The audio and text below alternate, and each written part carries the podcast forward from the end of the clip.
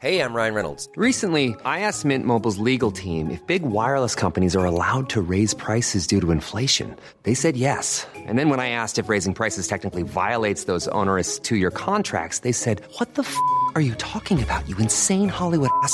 F- So to recap, we're cutting the price of Mint Unlimited from $30 a month to just $15 a month. Give it a try at mintmobile.com slash switch. $45 upfront for three months plus taxes and fees. Promo rate for new customers for limited time. Unlimited more than 40 gigabytes per month. Slows. Full terms at mintmobile.com.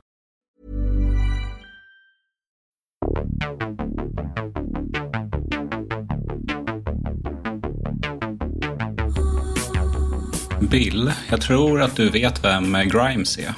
Ja, det vet jag. Eh, Om du som lyssnar inte vet vem det är så kan jag säga att hon är en artist. Eh, Hennes musik skulle absolut kunna passa som intro till den här podden. Hon är mångsysslare, tror jag. Hon är mor till två av Elon Musks barn. Eller hur många de nu har tillsammans, det är lite oklart. Kan vara tre. tre. Jag läste i alla fall en underhållande intervju med henne i eh, tidningen Wired. De kallar henne för Queen of Uncanny Valley. Är det, hur är det översätts? Kusliga dalen. Just det. Lite för människolika robotar, va? Ungefär. Precis. I den intervjun i alla fall så droppar hon några spännande nuggets. Eh, Är du nyfiken? Mm, kör. Du och jag har tidigare pratat om SpaceX och deras vårdslösa sprängande av raketer. Starship bland annat. Raketen som ska ta oss till Mars. Då ska man veta att när Musk är ute och gör PR genom att spränga de här raketerna så har han en son där hemma som är hjärtekrossad. Eh, Grimes beskriver sonen lite som en, lite utav en ingenjör. Och så säger hon så här. När X såg Starship explodera så hade han en härdsmälta och PTSD som varade i typ tre dagar. Varje timme vaknade han och sa Starship och jag var tvungen att klappa hans rygg. Är det, alltså, det, man uttalar hans namn X, fast det är de här siffrorna och... Ja, det stod så Det- det- i texten. Det är det jag fastnar på. Men ja, det är väldigt gulligt ju. Ja. Nästa grej. Intervjun handlar såklart mest om henne, men Wired är såklart nyfikna på hennes relation med Elon Musk. Och hon godkänner att reportern får ställa en Elon-fråga. Han ställer fler. Grimes får i alla fall frågan, vad har Elon Musk lärt sig av henne? Då svarar hon, kanske jag har roligare, jag försöker mjuka upp honom, bygga familjekultur. Och så stjäl han många av mina memes. Också taskigt ju. Vilket av det? Att stjäla någons memes. Ja, de där memesen har ju blivit eh, lite av en grej ju. Musk är ju utöver eh, en serieentreprenör så är han ju även en shitposter av rang på X eller Twitter. Det är väl därför han köpte Twitter. Bara för att kunna lägga upp memes. Mm, jag tänker det. En sista grej. De börjar prata lite om rymden och Grimes får frågan ifall hon vill resa ut i rymden och hon är ju en spännande karaktär. En vanlig person kanske hade sagt typ, ja, det vore kul. Eh, men hon svarar kort. Hon, hon svarar så här, definitivt, jag vill dö i rymden. Eh, sen så får hon faktiskt chans att utveckla det där. Och då säger hon, jag skulle vilja ta mig tillräckligt långt ut där min kropp inte klarade av att komma tillbaka. Så jag skulle vara närmare slutet av mitt liv, kanske 65 års ålder. Mars skulle vara bra. Jag hoppas att det finns en me- megastruktur där då, för jag skulle älska att se en sån i rymden. Jag skulle gå ut och leva så länge jag kan tills jag dör.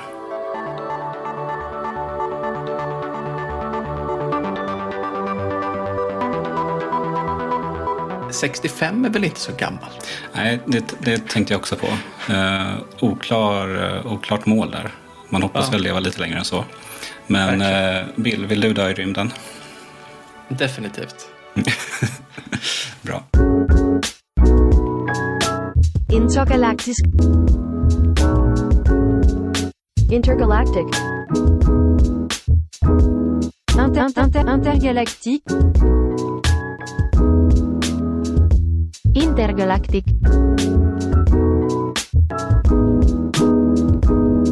Hej, du lyssnar på Intergalaktiskt, en podcast om rymden som görs av mig, Viktor Krylmark, och av Bill Borå på Ny Teknik. Eh, idag ska vi prata om den röda planeten, den fjärde från solen, stenplaneten som är Elons tänkta pensionärsboende, Mars. Hej Bill! Tjena, tjena. Idag har vi också med oss en gäst. Hej forskare och författare Magnus Ivarsson. Hej hej! Eh, apropå det vi just pratade om, hur känner du när eh, SpaceX låter sina raketer explodera? Stor sorg känns det. det hugger tag i hjärtat och magen när jag ser dem sprängas sådär. Är det för att du vill att de ska lyckas eller för att du tycker att det är vårdslöst? Jag vill ju innerst inne att de ska lyckas. Eh, Jag tycker SpaceX är en fantastisk idé i grund och botten. Att vi ska kunna använda samma eh, raketer om och om igen. Men det är klart, lite vårdslöshet finns ju även inblandat i det här. Det, det gör det. Det kan jag inte säga någonting om. Så Magnus, du kommer ju hjälpa oss idag och ge oss en guide till ja, men vår grannplanet då. Kan du berätta lite om din forskningsbakgrund och ja, men hur det egentligen kommer sig att du är med oss här idag? Ja, eh, jag är ju faktiskt egentligen i grund och botten utbildad geolog. Eh, Jag utbildade mig på Stockholms universitet och sen har jag arbetat inom ett fält som heter geobiologi eller astrobiologi under 20 års tid och bedrivit forskning. Och eh, kopplingen egentligen till, eh, till rymden och till Mars är att jag har jobbat med små, små fossil i en bergart som heter basalt. Eh, och det är den här svarta vulkaniska lavan som vi hittar i, på Island eller i havsbotten och så vidare. Eh, och eh, Mars och alla de andra stenplaneten, stenplaneterna består enbart av basalt. De, de är inte så geologiskt komplexa som jorden är. Eh, Så att i och med att jag tittar på den här typen av små, små mikrofossil, alltså fossila bakterier och mikroorganismer i den här bergarten, så har, det, har jag liksom hittat den här kopplingen till att söka efter liv på Mars också. För det är i den här typen av bergart man kommer att, och håller just nu faktiskt på att leta efter spår av liv på Mars. Så det är liksom min bakgrund och kopplingen till astrobiologin. Och i och med det här har du ju också då ja, men, skrivit en bok som heter Exit jorden. Som handlar om helt enkelt möjligheterna att kolonisera Mars och att ta sig dit. Eh, Och den kom ut, när kom, när kom den ut egentligen? Eh, boken kom i september i år, eller 2023. Ehm, och eh, ja, bakgrunden till den är att jag har ju länge tyckt att det saknas en svensk populärvetenskaplig eh, bok inom astrobiologi. Eh, det har ju funnits några engelska och amerikanska översättningar men de har varit mer eh, läroboksaktiga. Jag har, jag, vill, jag har saknat en bok som är lite mer ja, fångar eh, det, med, liksom det roliga med rymden. Eh, så att eh, under pandemin när alla satt hemma och man fick mycket tid att tänka över sin situation och sitt arbete och så vidare så började den här boken utkristallisera sig lite mer i huvudet och började sätta igång och skriva den. Och, ja, sen blev det som det blev och nu har den kommit ut. Vi kommer ju komma in på den eh, lite mer. Men vi tänkte att vi kan börja lite, lite enkelt för att få en känsla för Mars. Eftersom att vi ska prata om just den planeten idag. Så vi kör tio snabba. Vi kör tio snabba. Vill du ställa den första frågan? Absolut, det ska jag göra. Hur stor är planeten Mars? Den är ungefär hälften så stor som jorden. Ungefär.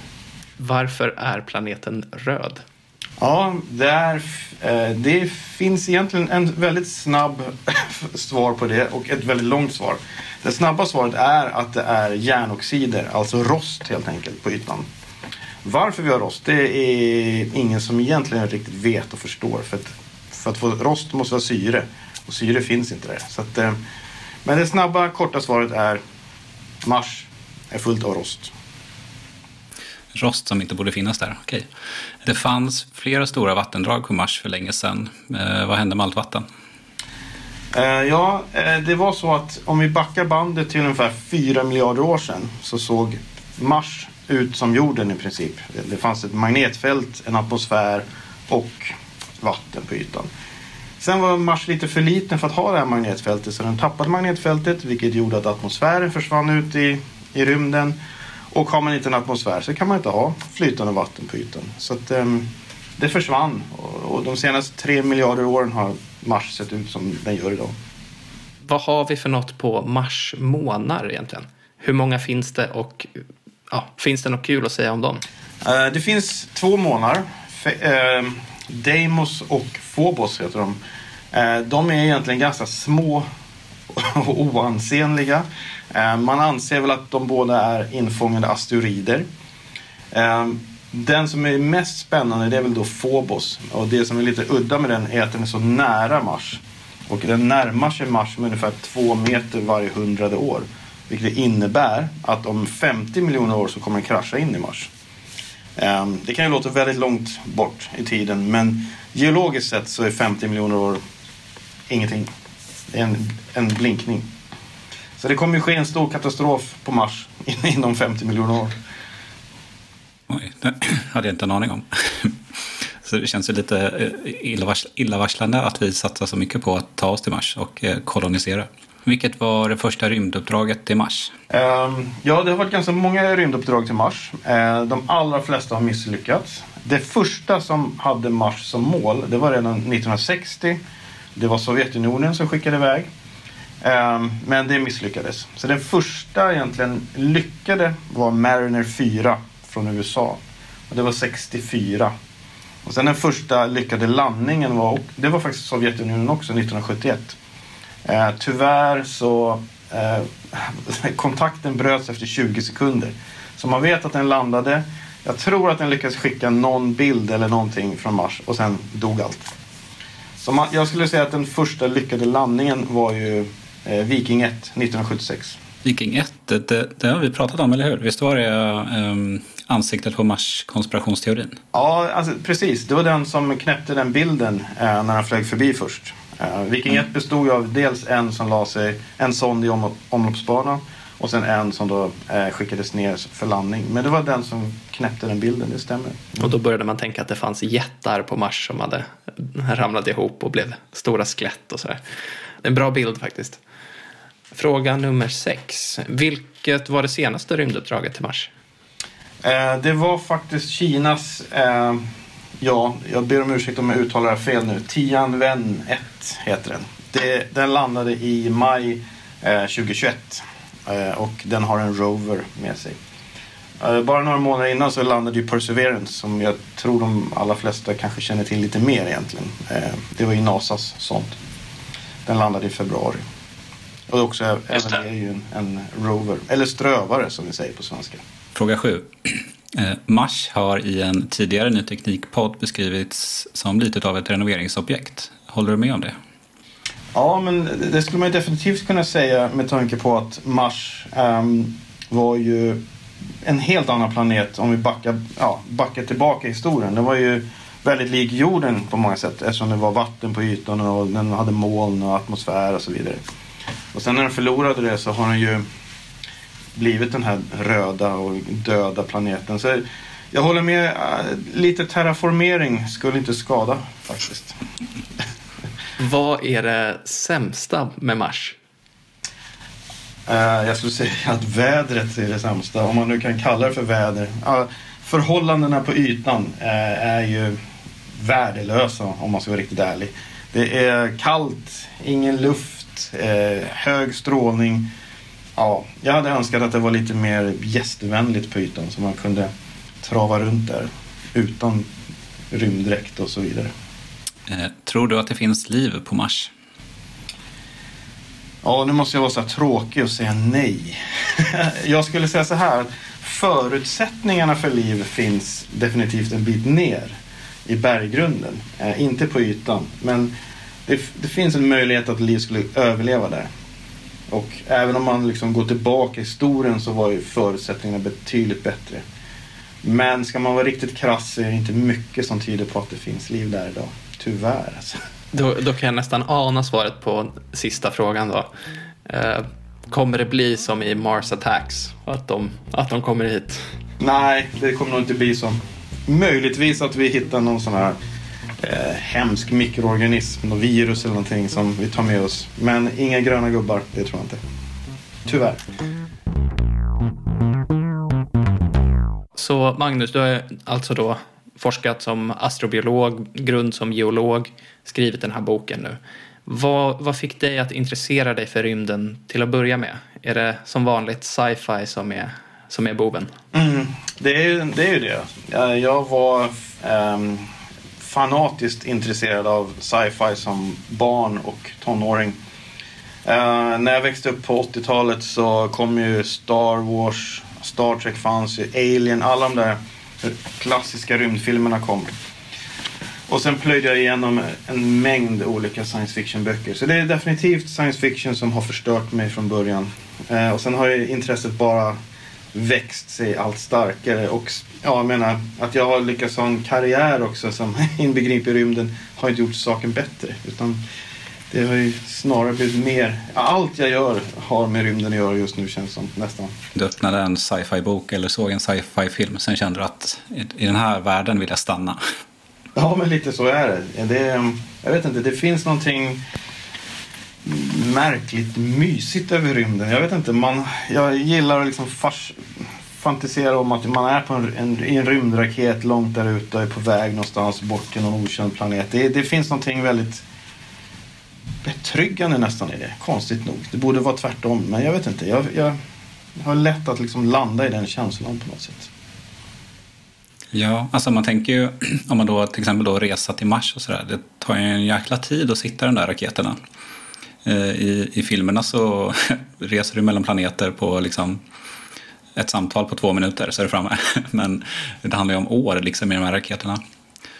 Eh, men ja, så är det ju inte i sci-fi-världen såklart. Alltså, det är ju mycket som de får att, att se väldigt lätt ut i rymden i sci-fi-filmerna. Jag tänker bara på det här att de går runt eh, hur som helst. Att gravitationen är som på jorden. Det förekommer inte heller direkt när vi är ute i rymden egentligen. Så de, de får ju att... Eh, alltså det ser ju liksom trevligt ut på de här rymdfärgerna oftast. Och det, det, ser kul. Alltså, det ser ut som att de spatserar genom hotellkorridorer mer eller mindre. De går de här korridorerna på rymdfarkosterna. Så att jag vet inte. Det är någonting med det där som fascinerande. Är det här också anledningen till att boken som du nu har skrivit både blir en fiktiv historia och ja, men, samtidigt en genomgång av men, fysik, geologi, biologi kring Mars? Att du liksom vill, men, du vill skriva en sanningsenlig fiktionshistoria på något sätt? Ja, det var väl lite av tanken att det skulle vara lite mer sanningsenligt och lite mer som man skulle kunna tänka sig att det skulle vara på riktigt. Um, sen tyckte jag att det var ett ganska bra pedagogiskt grepp att, att man har en röd tråd hela tiden som man följer. Um, men definitivt, eh, jag kände nog att jag ville visa på en mer realistisk bild. För att egentligen så är ju rymden en riktigt hemsk plats. Den är ju ogästvänlig. Vi, vi har ju ingenting där att göra. Vi är absolut inte gjorda för att vara ute i rymden. Vi ska vara på jorden, ingen annanstans. Så att eh, jag ville väl liksom ge en, en annan bild. En lite mer realistisk bild som visar på strapatserna och utmaningarna man har där ute. Och i den här ja, men, fiktiva historien då får man ju följa ett, ett rymdskepp som heter The Settler. Och eh, huvudkaraktären, eller läsaren som ska leva sig in, är ju också då astrobiolog. Eh, innebär det här att du själv hade satt dig på ett rymdskepp och åkt till Mars om du fick chansen? Aldrig.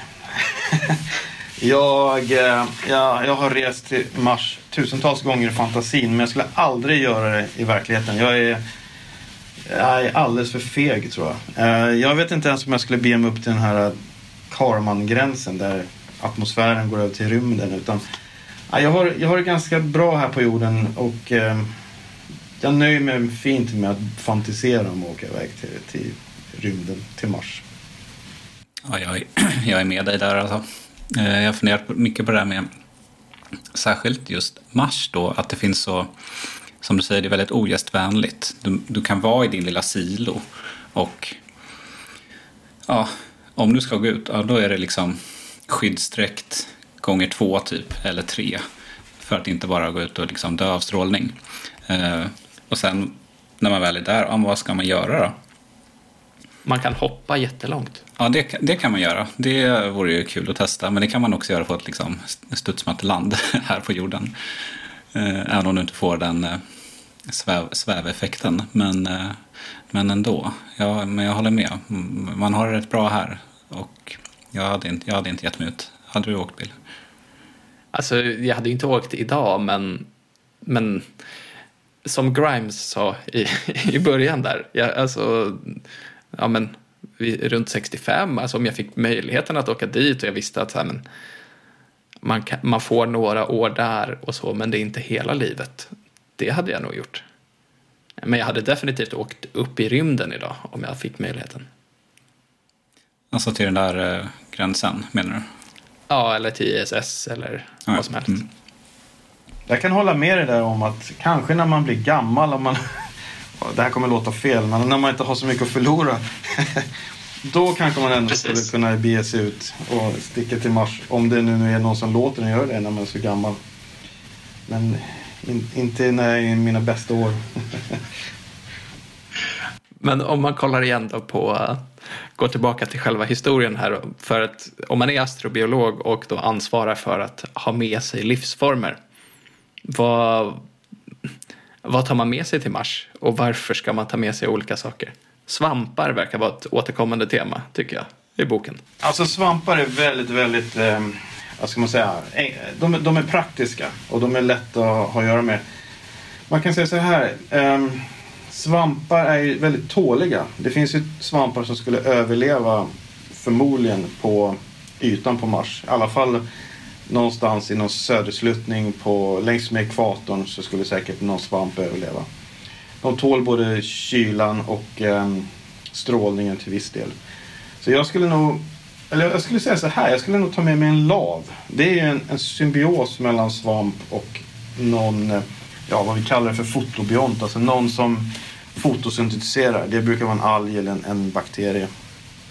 Och poängen med det är att då har vi dels en svamp som kan bryta ner berget och skapa en jordmån. För det är det svampens uppgift är i, i en lav. Och sen har vi då den här algen som producerar syre samtidigt.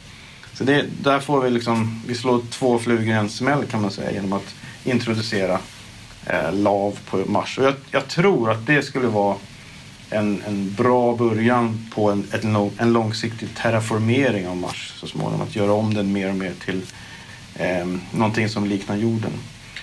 Men sen skulle jag definitivt ha med mig svamp för matproduktion. Eh, man använder ju också svamp eh, när det gäller produktion av olika textilier, eh, material, byggnadsmaterial. Som sagt, det är en allsidig organism. Ehm, så jag skulle nog ha ett gäng svampar. Och det är så bra med mikroorganismer för att vi behöver bara ta med oss några ehm, celler upp egentligen. Väger ingenting, tar ingen plats. Och sen när vi väl är på plats på, på Mars så kan vi bara odla ut. Från några få celler kan vi få i princip hur mycket svamp som helst. Eller mikroorganismer, alger likaså. Så det är praktiskt att utnyttja biologi tror jag i, i framtida rymdfart. Har du någon eh, favoritsvamp?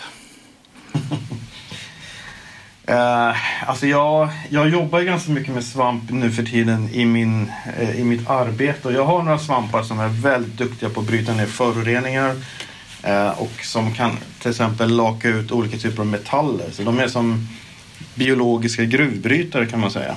Um, så vi har ingen namn på dem. Det är okända svampar. Men vi har dem i labbet i alla fall och utnyttjar dem här. Mm. Det, låter, det låter ju väldigt coolt faktiskt. Jag tycker också att det låter läskigt att vi har några okända svampar som bryter ner metall i lampen. Okej. Ja, men det, det låter nog värre än det. Jag skulle säga så här. De allra flesta svamparna runt om oss är okända. Svamp är väldigt, väldigt outforskat. Så det är inte så farligt att de är okända. Och sen är, bryter de bara ner metaller så länge de, vi matar dem med metaller. Så det är inte som att vi har skapat någon slags monstersvamp som tuggar i sig allt. Nej, exakt. Det så här sprider sig ut ur... För visst är det, är det på Naturhistoriska du sitter? Ja, precis. Jag delar min tid på Naturhistoriska och ett företag där vi faktiskt använder svamp för eh, nedbrytning av föroreningar. Så att, eh, eh, det, det är därför mitt stora intresse för svamp har, har, har växt sig kanske lite för stort. Jag är inte helt objektiv här. Men då när de här mördarsvamparna kommer ut och bryter ner liksom hela, hela städer, då vet vi var vi ska leta. Ja, precis. Då är det vårt labb de har kommit ifrån. Då har du kanske sett den här serien The Last of Us? Ja, den var jag tvungen att se. Det var ju... ehm, ja, men den, den, är, den är väldigt bra gjord och så. Och den fick ju verkligen upp intresset för svamp bland allmänheten. Kanske lite på fel perspektiv, jag vet inte. Ja, jo. Det på tal om mörda svampar liksom. Mm. Kanske därför jag, kanske därför jag är så skeptisk. Ja, man brukar säga att all press är bra press, men kanske inte det här. Jag vet inte. Men eh, okej, eh, så svamp i alla fall, det hade du haft med dig, eller lav hade du haft med dig till Mars för att tänka terraformering, tänk, tänka material, tänka mat och så vidare.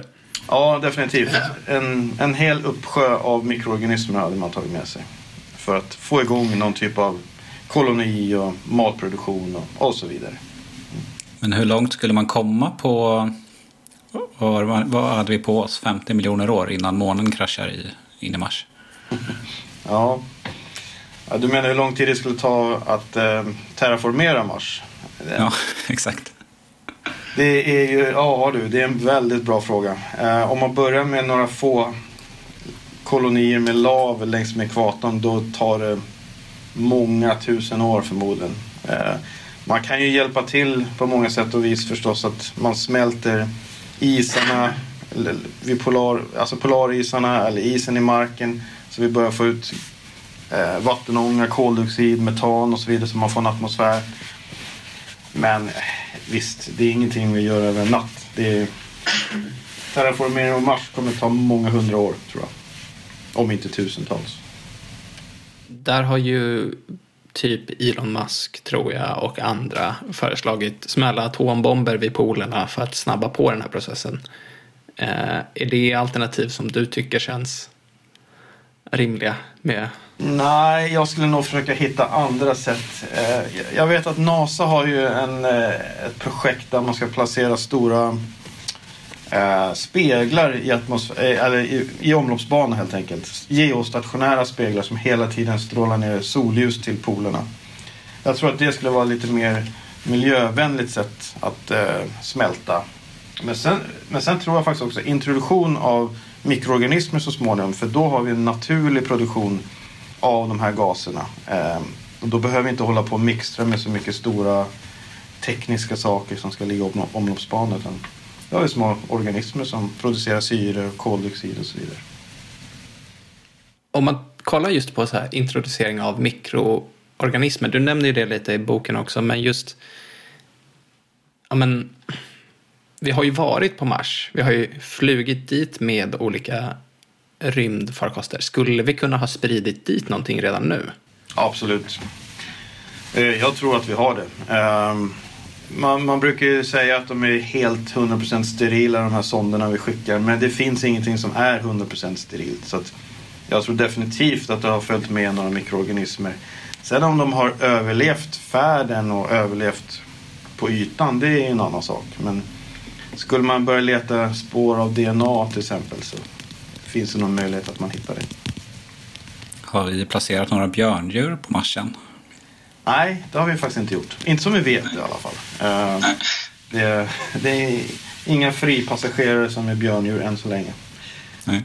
Men det skulle definitivt vara en intressant sak. Man har ju tittat på björndjur på ISS till exempel och exponerat dem för rymdförhållandena och sett att de klarar ju i princip att befinna sig där under ganska långa perioder. Och var det inte björndjur med på någon månsond som kraschade? Och att de...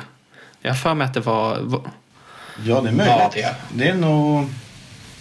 Det är nog mer än vad jag vet faktiskt. Men det är mycket möjligt att de hade en experiment med björndjur som åkte upp. Men för, det, man vet ju i alla fall, eller jag har läst om de här öländska björndjuren. Det är väl de man har undersökt mycket i, i rymden. Du, du har varit ute själv och grävt efter sådana va? Ja, jag har gjort några halvtappra försök att hitta björndjur på Öland. Eh, Det har inte gått jättebra. Ehm, men ehm, det är ju som sagt eh, eh, de första som man exponerade för rymden var ju bland annat från Öland. Sen var det några från Danmark och Tyskland också för mig. De, de är, det är tuffa små djur alltså. De, de tål det mesta skulle jag säga. Hur letar man ens efter björndjur? De är väl jätte, jätte, jättesmå? Ja, alltså man får ju... I, I min bok be- beskriver jag ju ett extremt misslyckat försök där jag använde barnens luskam. jag försökte liksom kamma ut dem ur Ölands tok. Eh, extremt dåligt. Jag, det är ingenting jag rekommenderar. Men nej, i vanliga fall så, så är det ju... Man provtar och ehm, eh, sen under mikroskop i labb tar man ut dem. Liksom. Ofta finns de i mossor och, och sånt. Och då kan man helt enkelt plocka ut dem eh, med ja, typ pincett i, i labb under mikroskop. De är ungefär en millimeter stora. Så de är ju, eller strax under en millimeter. Så det är ju väldigt, väldigt smått. Och det är ju då något som man kanske, när man, om man ser sig en framtid med, med lav som sprider sig över Mars, då kanske man också slänger ut lite björndjur bara för att ja, men påbörja någon sorts process där. Ja, men jag tänker det att så små, har man väl fått eh, liksom, permanent mossa eller någon lav eller någonting som klarar sig, då är det nästa steg att föra in lite djur. Det, det tror jag definitivt. Då är de, då är de högt upp på listan skulle jag gissa.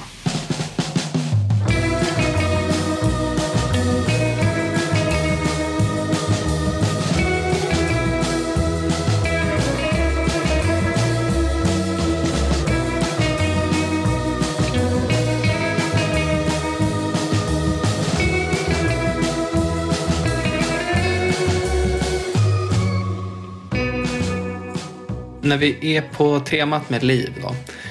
Du nämnde det i början där att du som geolog undersökte små livsformer i, var det i basalt som det heter, i form av då fossiler som man hittade i de här sprickorna. Va? Kan, du, kan du berätta lite om vad, vad det var för något? Ja, eh, när jag började min karriär kan man säga, eh, som student egentligen på universitetet, så fick jag tag på såna här borrkärnor från havsbotten, från Stilla havet och Atlanten. Och borrkärnor är helt enkelt långa, långa tuber av prover kan man säga, som man borrar. Och man kan borra flera kilometer djupa eh, borrkärnor som man tar upp. Och jag började titta på de här i ett projekt och Ja, som sagt, jag var geolog. Jag hade inte särskilt mycket biologisk kunskap om jag ska vara riktigt ärlig. Men jag hittade de här små strukturerna i hålrum och sprickor och jag fick väl en... Alltså min magkänsla sa mig att det här är någonting annat än bara mineral och geologi.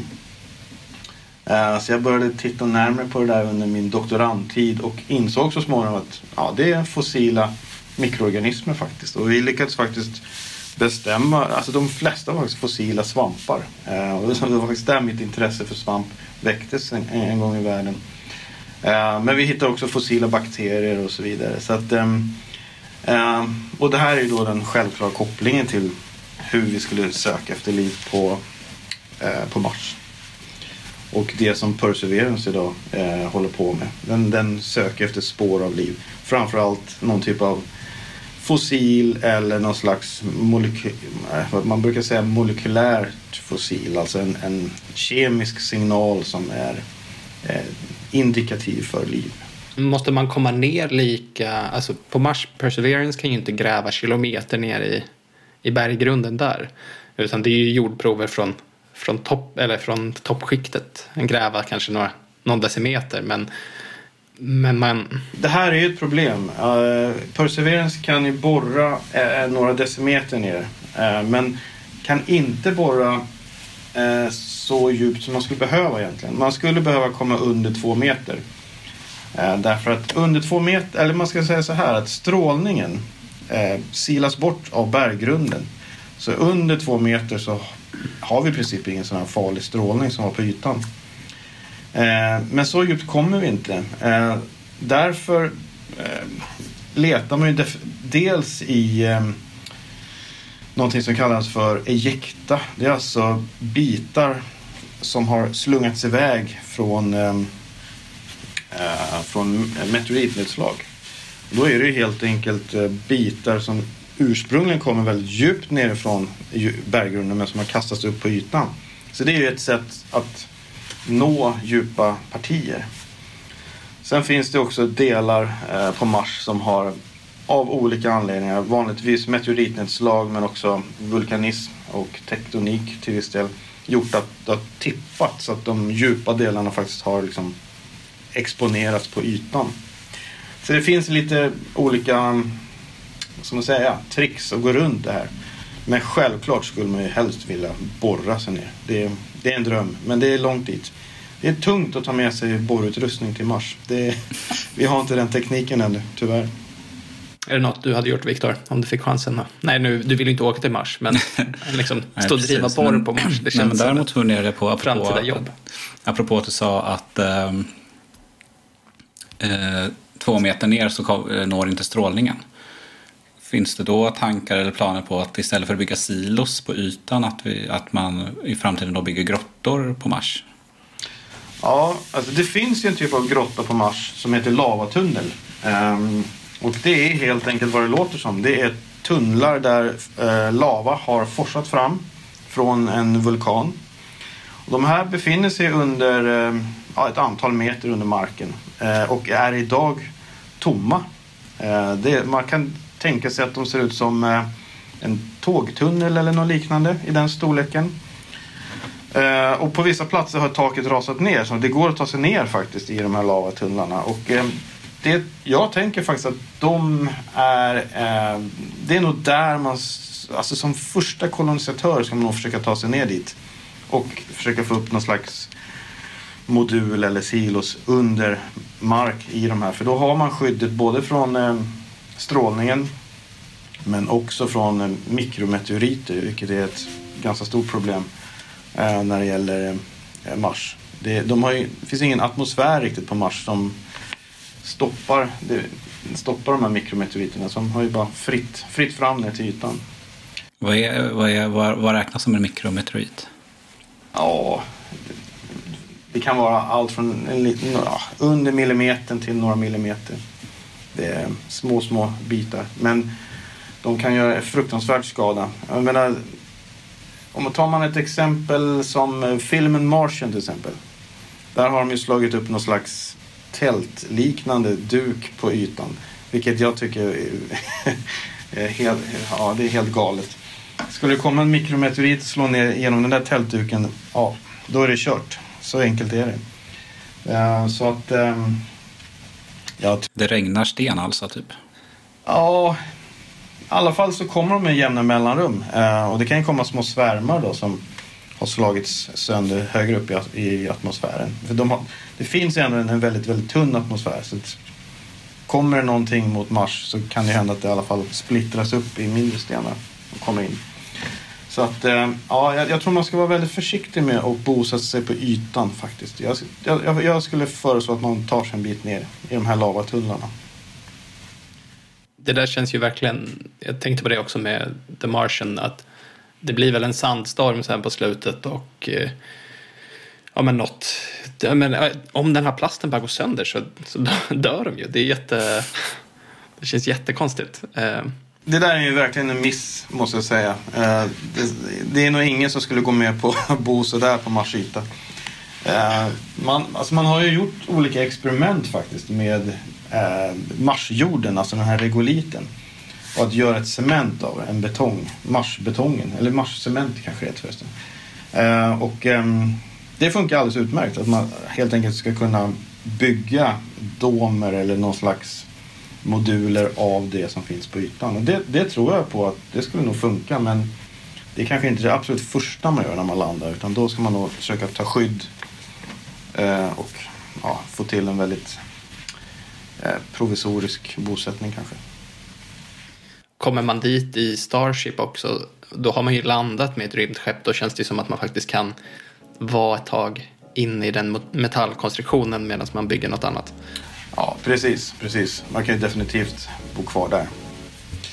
Ehm, Men jag tänker, någonting man skulle göra är att skapa stora odlingar i de här lavatunnlarna.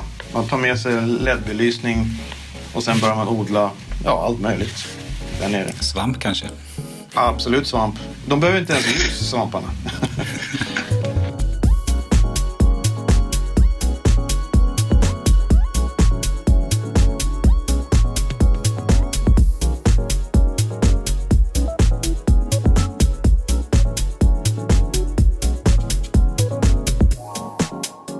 vi tänker att vi är oss i de här tunnlarna då och vi, vi borrar oss ner för att leta liv. Vad är det vi letar efter? Det är det här återigen med definitionen av liv. För det tar du också upp att det, det är inte helt självklart att eh, ja, men NASAs definition som i din bok är liv är ett självuppehållande kemiskt system som har förmågan till darwinistisk evolution. För det första, vad, vad betyder ens det? Och eh, för det andra, är, finns det några problem med det? Den definitionen. Ja, um, alltså det, liv är ett självuppehållande kemiskt system. Om man tar den första biten av definitionen där. Uh, den är ju ganska straightforward. Det handlar ju mest om att en, så länge en, en organism får föda och näring så, så, så överlever den helt enkelt. Våran kropp till exempel. Så länge vi äter så överlever vi. Så det är straight forward. Sen har vi ju det här då med darwinistisk evolution. Vilket i grund och botten handlar om att alla arter har utvecklats eh, över tid från ett gemensamt ursprung helt enkelt. Och så är det ju med oss organismer. Ehm, sen kan man ju... Det, det, det skiljer sig en hel del. Om man tar en bakterie till exempel. Så den kan ju liksom dela sig själv hur många gånger som helst.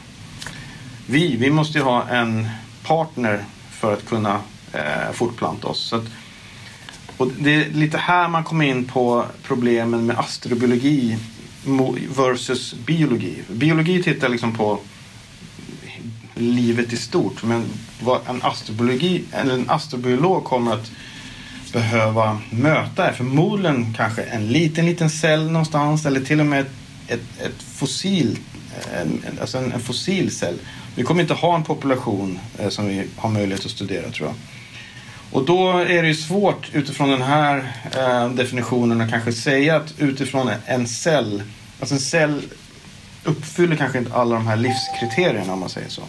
Just det, så man hittar, hittar en cell och så är man, ja nej, det var inget. Nej, det kan ju vara, det kan bli lite problem att, att bevisa att den här cellen verkligen är liv. Och sen är det ju också så här, om man ska vara riktigt krass. Um, och har vi en organism som är steril till exempel. Ja, ska det inte räknas då som liv helt plötsligt?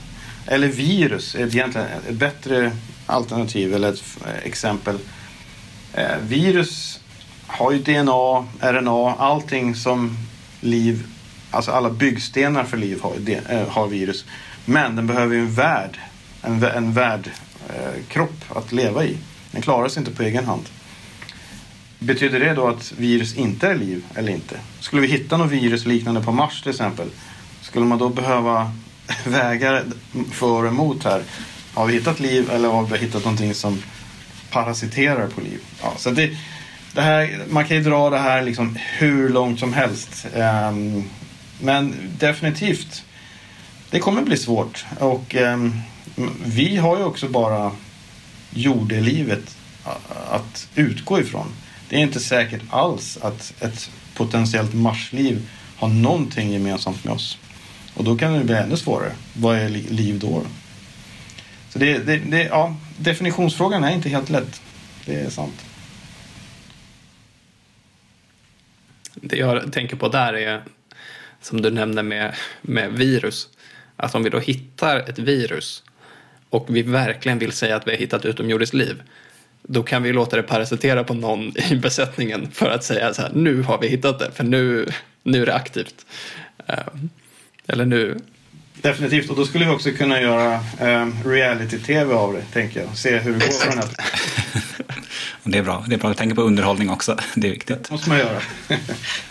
det ska ju finansieras på något sätt. Det var väl en plan förut att ha ett sånt reality-program för att finansiera en sån resa. Ja, det stämmer. Mars One tror jag det hette. Det, det var väl tio år sedan de presenterade och den skulle redan ha åkt iväg. Nu har jag inte hört om det där på väldigt länge. Så det, det brukar vara så där. Men det hade varit ganska spännande att följa en, en, en, en eh, Marsfärd. Betydligt roligare än att sitta och kolla på Big Brother eller någonting. Ja, men om vi kollar igen då på ja, men, när vi är inne på liv. Du sa tidigare att du inte tror att det finns liv på Mars. Lite tråkigt självklart, men jag tror inte heller det. Eh, men om vi tänker att det finns där. Du nämner lite olika djur. Du går bland annat in på en bakterie eller en sorts bakterie som käkar järn. Och Mars, som vi sa, det är ju väldigt mycket järnoxid. Det är ju rött på grund av det. Hade inte något sånt kunnat finnas där? Eller hade det varit praktiskt att ta med för att skapa liv där?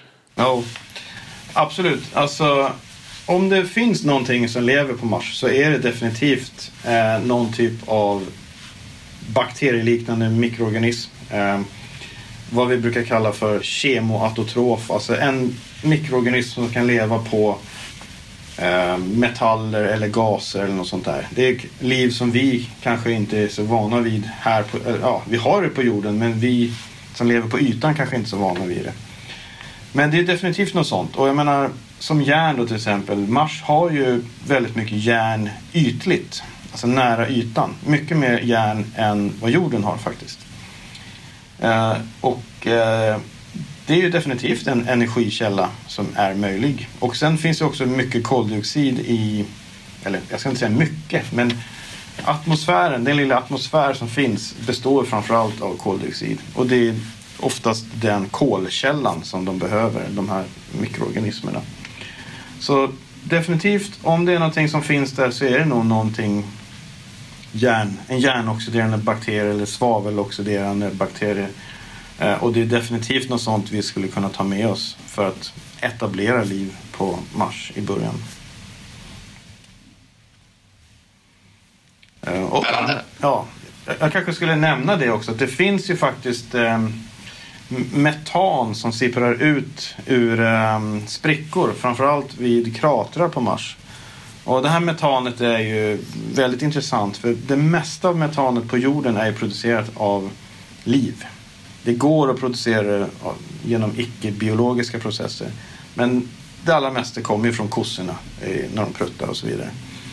Eh, och i och med att vi då har den här, det är både säsongsbundet men också eh, att det dyker upp pikar i, i atmosfären. Det tyder på att det finns metan, någonting producerar metan en bit ner i berget. Jag säger inte att det är mikroorganismer eller liv, men det är värt att kolla upp skulle jag säga. Definitivt. Det, det är den bästa indikationen hittills på att någonting händer nere i berggrunden. Som skulle kunna ham- handla om liv.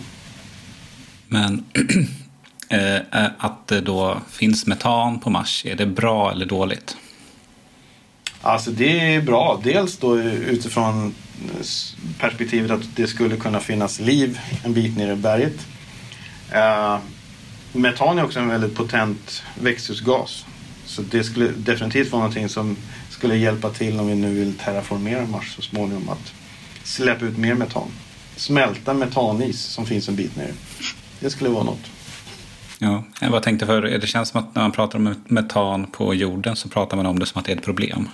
Ja, det är det ju. För här vill vi inte ha växthuseffekt. Eh, men på Mars vill vi ha det. Eh, om, Ja, okej, ja, men- okej, alla kanske inte vill ha det. Men om vi nu vill göra om Mars till någonting mer jordlikt så måste vi släppa ut gaser. Eh, och då är det ju metan, koldioxid, vattenånga som ska ut. Men här på jorden försöker vi stoppa det med allt vi kan. Ja, förstår. Något, något vi måste ha på Mars också för att säkerställa att atmosfären stannar är väl ett magnetfält. Ehm, tänker jag. För det bildar ju ja, men hela skyddet på något sätt mot solvinden. Eh, men eh, Det är ju så. Eh, även om vi skulle producera massor av gaser så skulle de ju liksom kontinuerligt tas bort av sol, solvinden. Så utan ett magnetfält ehm, så kommer man inte kunna ha en, en permanent atmosfär, tyvärr. Men att skapa ett magnetfält, det, det är nog inte helt lätt. Ehm, Jag vill precis fråga det, går det ens? Ja, jag- skulle nog säga nej. Alltså jag har sett idéer om att man skulle borra sig ner till Mars kärna. Eh, skicka ner en massa atombomber. Spränga. Eh, alltså jag... Jag tror man skulle göra mer skada än nytta om jag ska vara riktigt ärlig. Eh, det är tyvärr så. Mars uppbyggnad gör att vi inte kan ha ett magnetfält där.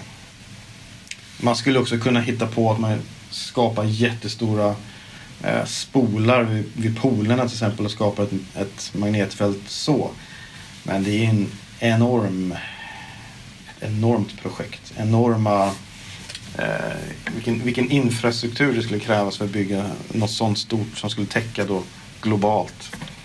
Eh, jag tror det blir svårt faktiskt, tyvärr. Vi får nog nöja oss med att hela tiden släppa ut så mycket, mycket gaser vi bara kan så att solvinden inte hinner med och svepa bort allt.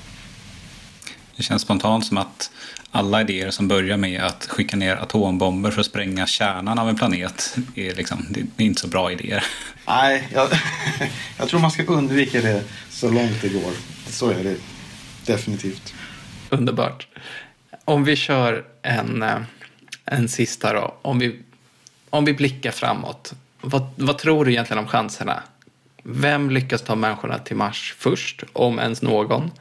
Och eh, lite mer generellt om framtiden för mänsklighetens rymduppdrag. Vad är din känsla? Eh, uh, när, när det gäller Mars så tror jag att... Um, alltså, jag skulle gissa att det är ett samarbete som tar oss till Mars.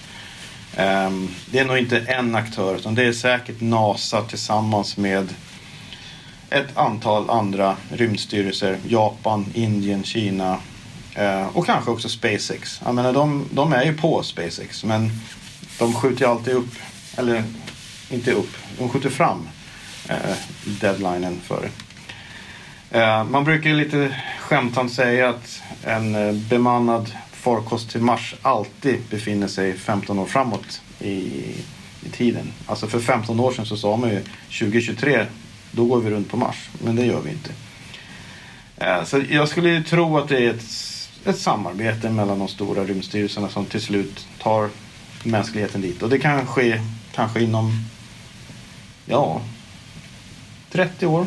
20-30 år. Jag vet att Christer Fuglesang brukar säga 15 år. Men jag, jag är lite mer pessimistisk.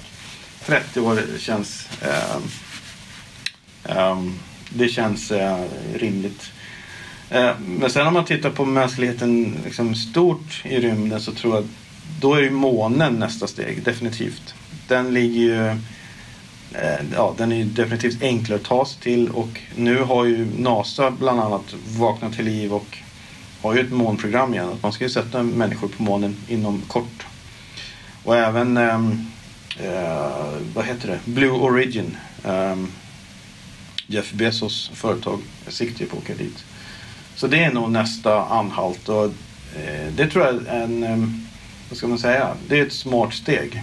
Kan man etablera någonting på månen så kan man ha det som en bas för vidare färd ut. För det är inte riktigt lika kostsamt både ekonomiskt men också energimässigt att skicka något långt ut från månen som det är från jorden. Det är rätt jobbigt att skicka något från jorden. Vi har ju så väldigt mycket som tar emot och håller oss kvar här. det är gravitation och det är atmosfär och allt möjligt.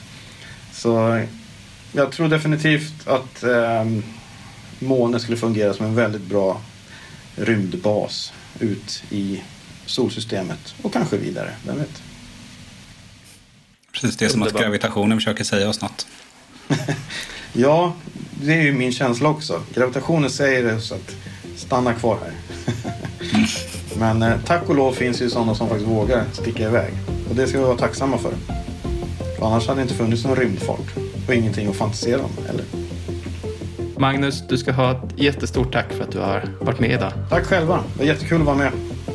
Tack för att du har tagit dig igenom ännu ett avsnitt av Intergalaktiskt. Podcasten görs av Bill Borå och Viktor Krylmark på Ny Teknik och klipps av Kristoffer Krook på Monopol Media. Du hör oss snart igen. Hej då!